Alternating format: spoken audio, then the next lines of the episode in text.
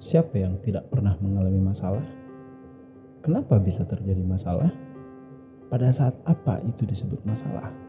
Dengan Aspen di sini, gue akan berbagi banyak hal dan mencoba mencari jalan keluar semua masalah.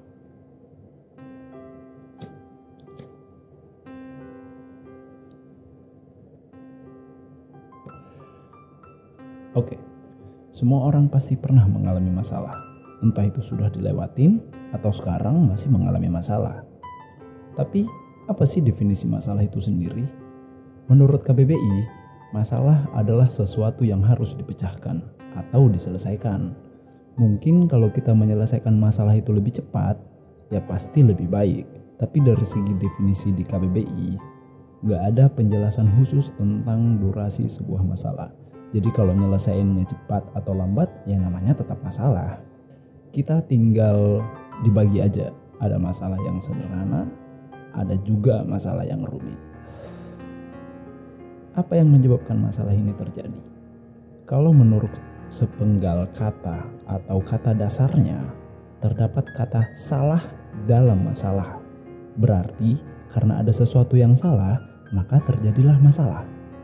Itu menurut hemat gue ya. Kata salah di sini dalam segala artian. Entah itu salah menurut diri sendiri orang lain, sosial, aturan sebuah perusahaan, atau apa pun, pokoknya segala artian. Apakah penyebab terjadinya masalah hanya karena ada yang salah? Sampai sejauh ini gue berpikir iya. E, satu-satunya malah ya penyebabnya terjadinya masalah yaitu salah. Seorang sahabat pernah berkata sama gue, di saat kita merasa terbebani oleh sesuatu, itu juga akan menimbulkan masalah. Jadi seakan-akan kayak beban dan masalah itu saudara jauh. Ada beban, masalah itu akan datang. Kalau menurut gue, dia merasa terbebani aja karena tidak enjoy. Sampai akhirnya dia melakukan kesalahan. Jadi ya tetap penyebab tunggalnya adalah sebuah kesalahan. Misalkan dalam sebuah pekerjaan ilmu pasti atau hitung-hitungan angka. Di mana Misalnya kita sangat tidak menikmati itu atau memang peminatan kita bukan di bidang itu, bukan di bidang hitung-hitungan angka gitu. Bisa aja kan kita salah hitung, akhirnya terjadilah masalah. Tapi belum tentu juga semua sesuatu yang salah akan jadi masalah.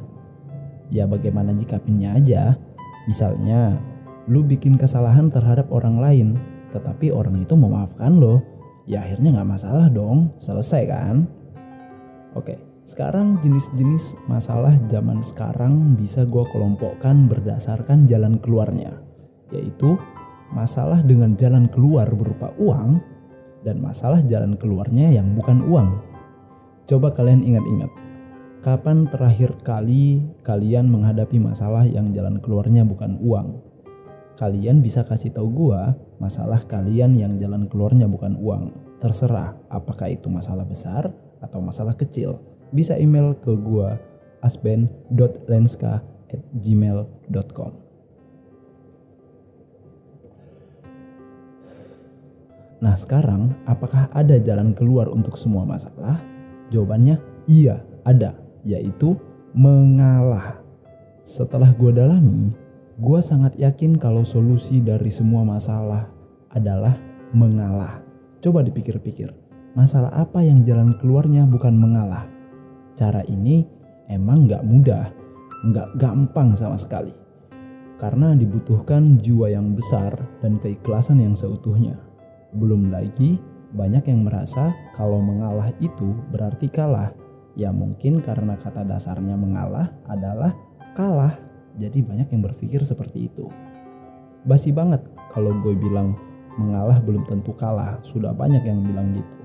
Tapi faktanya ya memang begitu.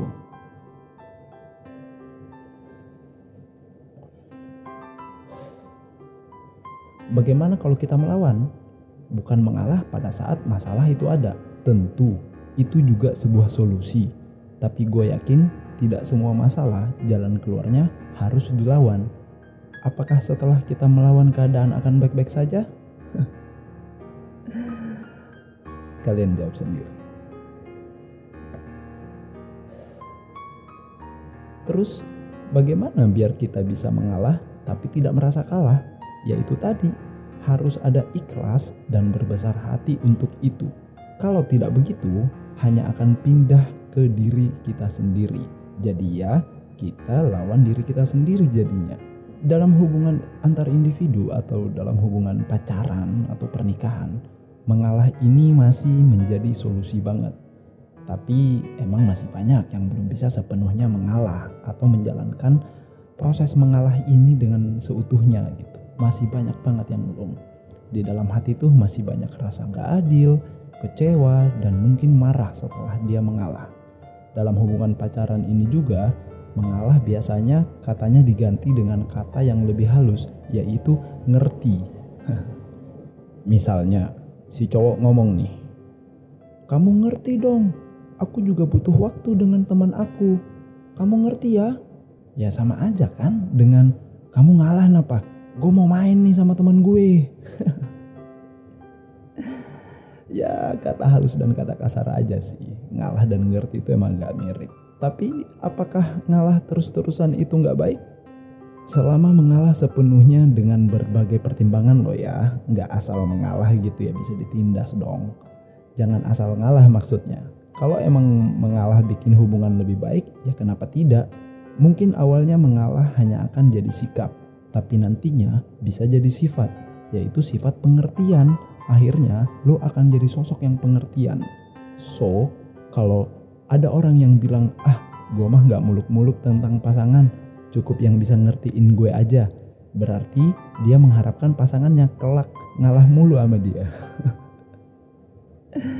Dan mengalah ini mungkin akan mendekatkan kita atau memudahkan kita untuk belajar dengan yang namanya ikhlas atau pasrah atau legowo ya apa pun itulah kalian nyebutnya. Kira-kira gitu dari gue, sampai ketemu di pembahasan selanjutnya. Asben out.